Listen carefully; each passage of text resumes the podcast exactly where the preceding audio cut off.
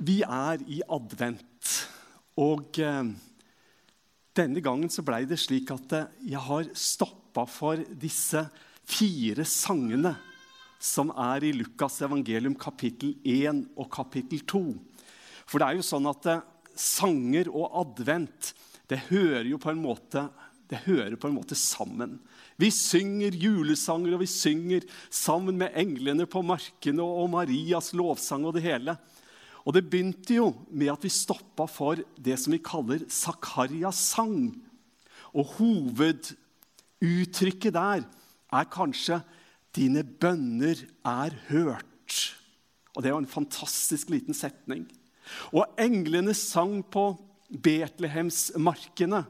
Det begynte jo med at det ble proklamert at eder i dag er en frelser født.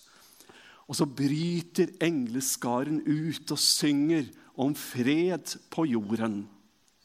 Og i dag så skal vi stoppe for eh, Marias lovsang. Og eh, først så kan jeg jo nevne at eh, Marias lovsang er kanskje ikke så uskyldig. Den er kanskje ikke bare så vakker som vi av og til tenker. Erkebiskopen i Canterbury, William Templer, Temple, han sa til misjonsarbeidere som skulle til India, så sa han dere må aldri lese Marias lovsang offentlig, slik at ikke-troende mennesker hører den. For da vil de oppfatte det slik at det dere er ute etter, det er å skape revolusjon. Det er det eneste, sa Temple. Det er det eneste man kan tenke på som ikke-troende når man hører den lovsangen. Og så kan jo vi undres hvordan i all verden er det mulig at en sånn flott sang som det skal kunne skape sånne assosiasjoner? Og det må jo vi prøve å finne ut litt av i dag, når vi skal stoppe for Marias lovsang. Det begynner jo noen måneder før at hun egentlig fremførte den. Og dere husker at vi kanskje, dere kanskje husker at vi stoppa for Zakarias sang.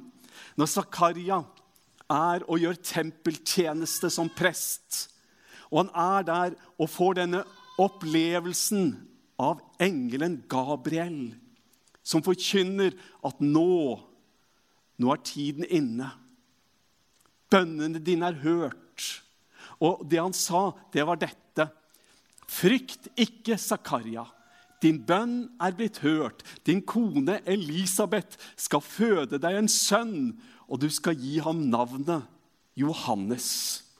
Og det var på mange måter begynnelsen.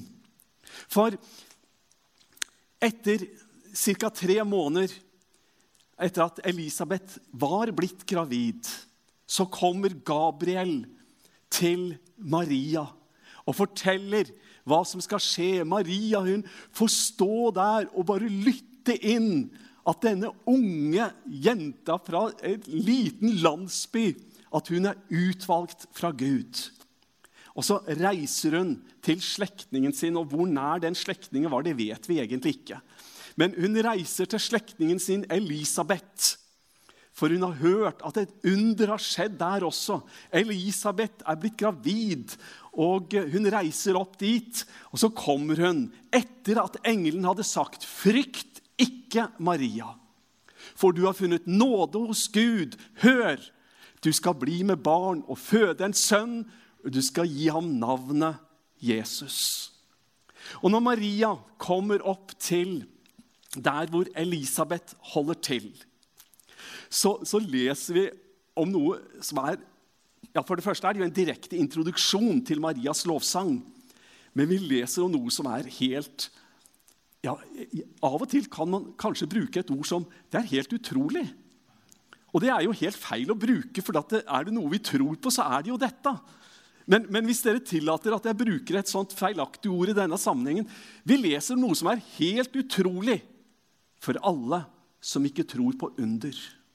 For alle som ikke tror virkelig at Gud griper inn og gjør noe helt overnaturlig. Det som skjer, det er at når Maria kommer der og hilser Elisabeth, så skjer det noe. Døperen Johannes, som er det foster som Elisabeth har i sin mage, han sparker til. Og tro det om du vil. Jeg tror det av hele hjertet. Han sparker til av jubel og glede.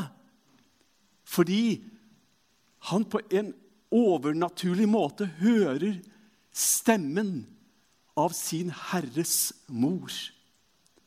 Og Dette er foranledningen, og da bryter Elisabeth ut i noe som ligner på en lovsang. For Elisabeth hun sier, 'Velsignet er du blant kvinner', 'og velsignet er frukten i ditt mors liv'. Men hvordan kan det skje at min Herres mor kommer til meg? For da lyden av din hilsen nådde øret mitt, sparket barnet i magen min av fryd. For en fortelling! Og når, og når Maria hører dette, så bryter hun ut i denne lovsangen som da erkebiskop William Temple mente var så revolusjonær at den må for all del ikke leses høyt offentlig for mennesker som ikke er troende. Og hva er det som er så revolusjonært i denne bibelteksten? Vi må begynne med å høre teksten som Maria fryda seg over og jubla fram som sin lovsang. Min sjel opphøyer Herren, og min ånd fryder seg i Gud, min frelser. For han har sett til sin tjeneste kvinne i hennes fattigdom. Og se, fra nå av skal alle slekter prise meg salig. For store ting har han gjort mot meg. Han, den mektige, hellig er hans navn. Fra slekt til slekt varer hans miskunn over dem som frykter ham. Det var første delen. Men så fortsetter det umiddelbart med det som vi kan kalle del to. Og Maria hun bryter ut videre.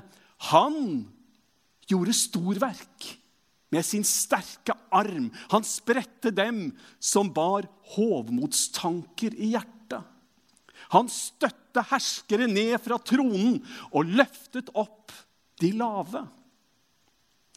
Han mettet de sultne med gode gaver, men sendte de rike tomhendt fra seg. Han tok seg av Israel, sin tjener, og husket på sin miskunn, slik han hadde lovt våre fedre, Abraham og hans ett, til evig tid. For en sang! Ja, det er sagt for ei dame! Denne unge Vi vet jo ikke hvor gammel Maria var, men 14-15 år, hva vet vi? Altså, Denne unge ungdommen står der og deklamerer, jubler fram denne sangen for øvrig forankra såpass mye i Det gamle testamentet at en del mener at det er jo helt utenkelig at en ungdom på den alderen kunne ha sånn innsikt. Selvfølgelig er ikke det utenkelig. Sagt, har, vi, har vi aldri diskutert med ungdommer og sett hva slags innsikt ungdommer kan ha? Hun bærer det fram, om det er fra Salme 103, om det er fra 1. Samuels bok, kapittel 2. Hun formidler noe av kunnskap og tro. Og så vil vi jo tro at når jubelen stiger opp fra Marias hjerte og sinn, så er også Den hellige ånd der og inspirerer og kanskje kaster et lys over det som hun ut ifra egen kunnskap ikke kunne makte å forstå. Den første delen det jo, dreier seg om, på mange måter om henne og Maria. Marias lovprisning det er at hun er utvalgt. Denne fattige, enkle jenta fra landsbyen Nasaret, som ikke hadde noe særlig rykte på seg. Nasaret, Eller kan det komme noe godt fra Nasaret, som de sa, som du kanskje husker? Hun er utvalgt når Gud kunne hatt så ufattelig mange i anførselstegn, bedre alternativer. Hvorfor i all verden skulle han velge noe så smått og lite som Maria? Men så vet vi jo, og vi må aldri glemme det, at Guds målestokk er litt annerledes enn vår. Det som vi av og til kan synes er smått og lite, det er sjeldent eller aldri smått og lite i Guds øyne. Men Maria, i denne første delen, så snakker hun om, om nuet i presens. At hun er utvalgt. Og hun gleder seg, og hun fryder seg. Og hun er takknemlig for den tjenesten, den oppgaven, som er henne betrodd. Snakk om å ha glede i sin gudstjeneste. Men andre delen den på en måte får en litt annen valør, litt annen intensitet. Den første delen er i, pre, er, er i, i presens, mens den andre delen den er i fortid. Og det er jo i seg selv interessant. Eh, den andre delen det er bare på en måte som hun ser tilbake, men så snakker hun om Jesus som ennå ikke er født, og som skal gjøre noe i framtiden. Og hvis jeg har forstått det riktig, så er det det man kaller profetisk grammatikk. Da man, da man ser litt i forskjellige lag samtidig og formidler noe om hva Gud skal gjøre, som om han har gjort det. For han er den allmektige som står liksom utafor tid, utafor rom. Og som er oppfyllelsen av hva Gud har sagt tidligere, og som nå skal skje. La meg lese det en gang til, den andre delen. Det står sånn som dette. Han gjorde storverk med sin sterke arm. Han spredte dem som bar hovmodstanker i hjertet. Han støtte nei, herskere ned fra tronen og løftet opp de lave. Han mettet de sultne med gode gaver, men sendte de rike tomhendt fra seg. Han tok seg av Israels tjenere og husket på sin miskunn, slik han lovte våre fedre, Abraham og hans ett, til evig tid. Vi kan si det er Gud som har gjort det, ved at han sender Messias. Det er noe han har gjort allerede. Men Maria synger om det Jesus skal gjøre. Og Maria, hun synger om en revolusjon. Hun synger om en gang da ting skal snus helt opp ned. Da det skal bli helt annerledes, en helt annen standard, en helt annen maktbalanse. Hun synger om revolusjon. Jeg vil peke på tre, særlig tre revolusjonerende tanker i det Maria formidler. Det er noe jeg har valgt å kalle det på en måte en moralsk revolusjon. Noe helt annet. Og det begynner jo med at eh, Maria hun sier det at eh, det er noen nye verdier som skal begynne å råde.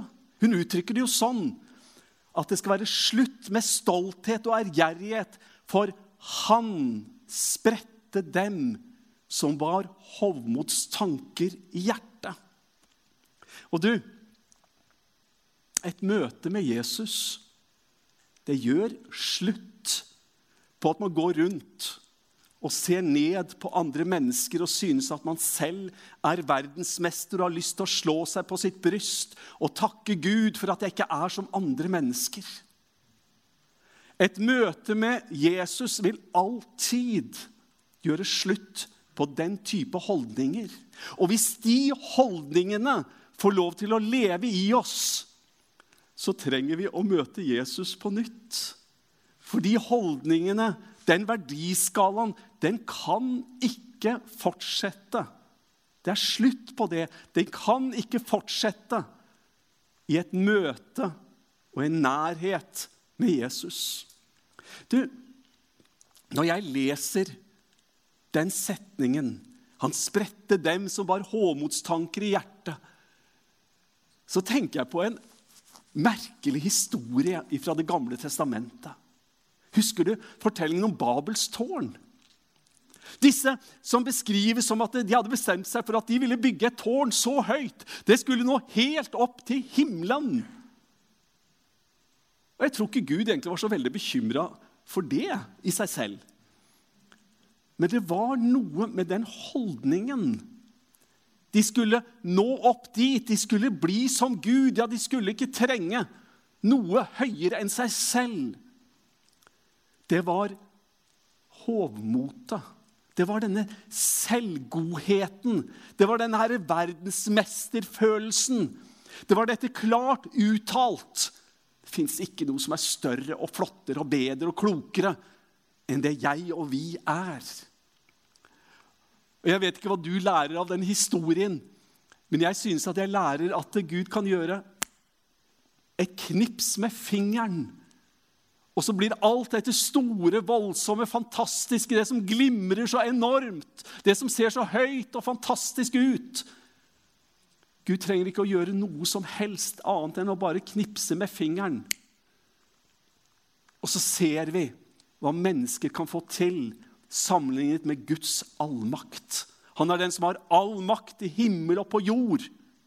Og han setter en ny standard der han tar et oppgjør mot det selvopphøyende, det selvtilfredse, det selvkloke. Det som opphøyer seg selv. Ja, det hovmodige. Den andre revolusjonære tanken i Marias lovsang, det er et argument for en sosial revolusjon. Alt blir sludd, snudd opp og ned. Jeg leste en kommentar for ikke så lenge siden av William Barkley. En kommentar til Lukas' evangelium, der William Barkley fortalte en fortelling om en italiensk omreisende professor for flere hundre år siden. Eh, han kommer til en by, og så blir han sjuk. Og så er det noen leger som skal være med og behandle han. Og de tror ikke at denne personen som de behandler, har noe særlig kunnskap. Og William Barkley forteller at de snakka latin seg imellom, disse, disse, legene. Og de sier at dette her er jo, er jo en person som er fattig, det er en person som ikke er verdt så mye. Vi kan bruke denne anledningen til å gjøre et eksperiment og se hvordan denne behandlingen fungerer. Og det var de enige om helt til pasienten snakka til dem på latin. For han kunne jo det minst like godt som de andre. Og om historien er sann, så sier han på latin.: Kall aldri et menneske verdiløst som Kristus døde for. Det var hans reaksjon. Kall aldri et menneske verdiløst som Kristus døde for. Om fortellingen er sann eller ikke, det vet jeg ikke. Men at budskapet i fortellingen er sant, det, det vet jeg. Det er at alle mennesker har samme verdi. Det skal bli slutt på og slutt med at den som har makt, bestemmer. Han støtte herskere ned fra tronen og løftet opp de lave. Tenk hvilken setning, tenk hvilken profeti som Maria kommer med. Jeg tror det egentlig kalles revolusjon. Det å støte ned herskere og løfte opp de lave i stedet. For en sang! For ei dame! For en ungdom som står der, fylt av Den hellige ånd, og taler ut om rettferdighet om hva Guds vilje er, og hva Jesus skal gjøre. Maria hun lærer oss noe viktig. Det at ting blir snudd opp ned en dag. Det står i hebreerne alle mennesker må dø en gang, og siden kommer de for dommen. Og sånn er det for oss alle. Man kan holde på, men jeg mener det ikke bokstavelig, men om 100 år er alt glemt de store herskere, de store politiske ledere. Uansett, det som ser så flott og fint ut, det er bare en kort, liten stund. Men det er noe som skal vare evig. Og det er ikke det som vi mennesker får til. Det er det Gud gjør. Det er det som varer. Einar Førde han sa at kirkegården er full av uerstattelige mennesker. Og sånn har vi visst alltid tenkt, at mennesker er uerstattelige. Men Einar Førde sa at kirkegården er full av det. Sånn går det med oss alle sammen. Du, det er ikke bare en moralsk revolusjon, en sosial revolusjon. Men Maria hun snakker om en økonomisk revolusjon. Hun snakker om en annen verdiskala når det gjelder makt. Du, jeg leste om ei dame. Hun satte alltid cruisekontrollen 30 km over fartsgrensa. Dette var før prikkbelastning kom. Hun satte alltid cruisekontrollen 30 km over, for da mista hun ikke lappen, og penger hadde hun nok av. Så det betydde ingenting om hun fikk en fartsbot. Hun gjorde som hun ville. Og jeg får frysninger på ryggen. At det går an å bli så arrogant. At det, går, at det, går, an å bli så hensynsløs og bare tenke på seg selv. Men vet du hva? det er akkurat det som kan skje med enkelte mennesker når de har for mye penger. Det er personlighetstrekk som mammon kan få fram i selv den beste av oss, om ikke vi passer oss. Tenk å kunne gjøre noe sånt. Du, Maria hun kommer med en annen verdiskala. Han, hun, hun, skriver at det skal være slutt med at den som har penger, har alt. For han mettet de sultne med gode gaver, men sendte de rike tomhendt fra seg. Du, det blir litt forandring. Det er noe alvorlig i dette for oss. Det er at om penger er alt vi har, så står vi tomhendt innenfor Gud. Det er det Maria sier til oss. Om penger er alt du har, så har du ingenting når du står innenfor Gud. Og Marias lovsang den begynte egentlig med Zakaria ikke sant? og døperen Johannes sin fødsel. Og når hun var der hos Elisabeth Men noe seinere så sitter denne samme døperen Johannes i fengsel. Så begynner han å lure på var det Jesus var det han derre slektningen min fra Nasaret som, som, virkelig er Messias? Og så sender han et spørsmål og så lurer han på er du han som skal komme, eller skal vi vente en annen. Og så svarer Jesus, gå og fortell Johannes hva dere har sett og hørt. Blinde ser, lamme går, spedalske renses, døve hører, døde står opp. Og Evangeliet forkynnes for fattige. Og når Johannes hørte det, så antar vi Da skjønte han ja, selvfølgelig. Jeg vet det jo, selvfølgelig. Han er det. Det var han som skulle komme. Evangeliet forkynnes for fattige. Han griper inn og ser til de lave. Han løfter de opp. Og Marias lovsang det er ikke bare en vakker fortelling om ei julekrybbe og et lite uskyldig barn. Marias lovsang det er et budskap som utfordrer hver eneste en av oss. Og vi kan velge at vi kan synge med og nynne med og synes det er flott og fint. Men vi kan også ta imot orda, både til veiledning og til selvransakelse og til selvinnsikt og selverkjennelse. Der vi bøyer oss ydmykt ned og tar imot Hans nåde som overgår all forstand. I Jesu navn. Amen.